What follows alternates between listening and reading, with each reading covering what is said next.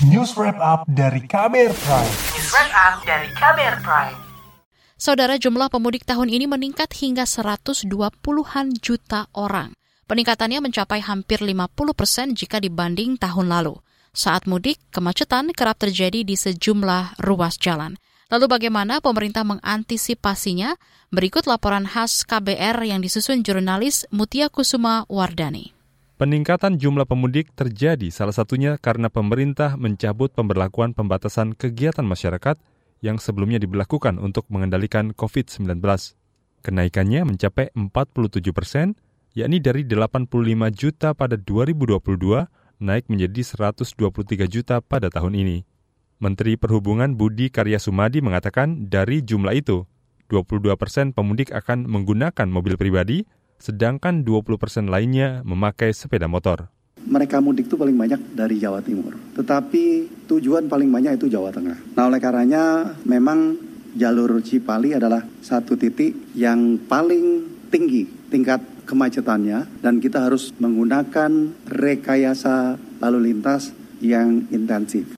Kemenhub akan bekerja sama dengan Korps Lalu Lintas, Korlantas Polri, dan Jasa Marga untuk mengatasi kemacetan saat arus mudik lebaran semisal dengan rekayasa lalu lintas di Jalan Tol Cikopo Palimanan, Cipali, serta peningkatan area peristirahatan.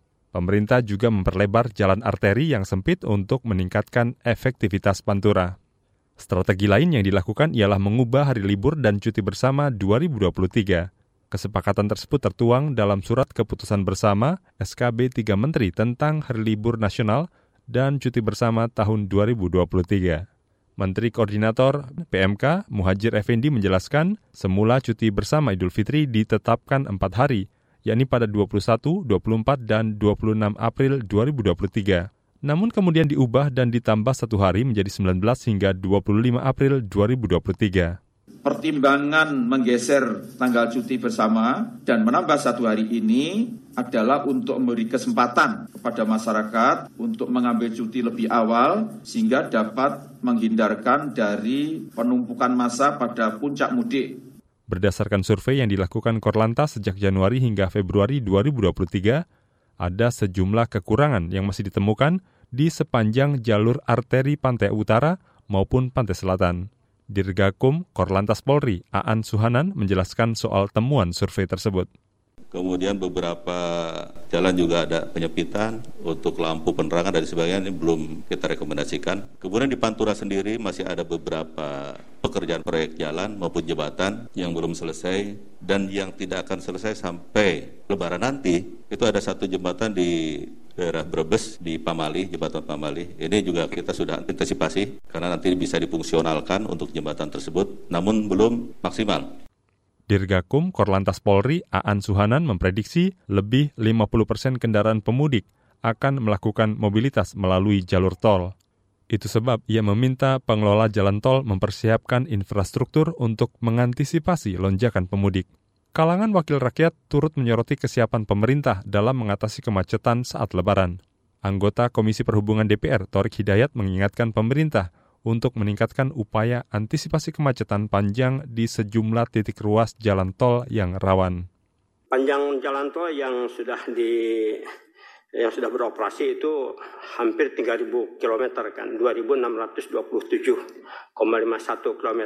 Tapi capaian tersebut ternyata sampai saat ini masih menyisakan di banyak titik kemacetan-kemacetan. Ini dalam kondisi biasa. Apalagi di Nataru atau sebentar lagi kita menghadapi Lebaran. Ini usulan saja untuk beberapa titik yang pertama, tol arah Cikampek kilometer 40 sampai kilometer 56. Ini mengalami pelambatan yang sudah rutin. Itu.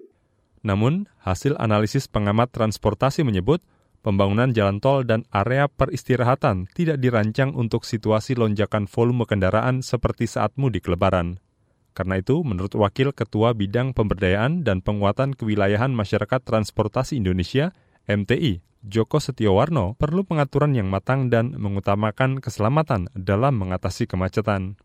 Pemudik pada saat dia menggunakan kendaraan sehingga dia punya pilihan kapan saatnya dia menggunakan jalan non arteri atau non tol. Nah jalan arteri ini memang uh, hambatannya dengan sepeda motor ini mungkin kurang disukai oleh pemudik tapi apa pun tapi jalan-jalan arteri entah itu nasional maupun provinsi dia harus menyediakan kelengkapan rambu-rambu beserta lampu penerangan jalan pada saat malam hari. Pengamat transportasi Joko Setiowarno meminta pemerintah pusat dan daerah berkoordinasi mengantisipasi kelelahan pemudik. Joko juga merekomendasikan pemudik memanfaatkan jalur-jalur alternatif untuk menghindari kemacetan panjang di ruas jalan tol. Demikian laporan khas KBR yang disusun Mutia Kusumawardani. Saya Sindu Darmawan. Kamu baru saja mendengarkan news wrap up dari KBR Prime. Dengarkan terus kbrprime.id, podcast for curious mind.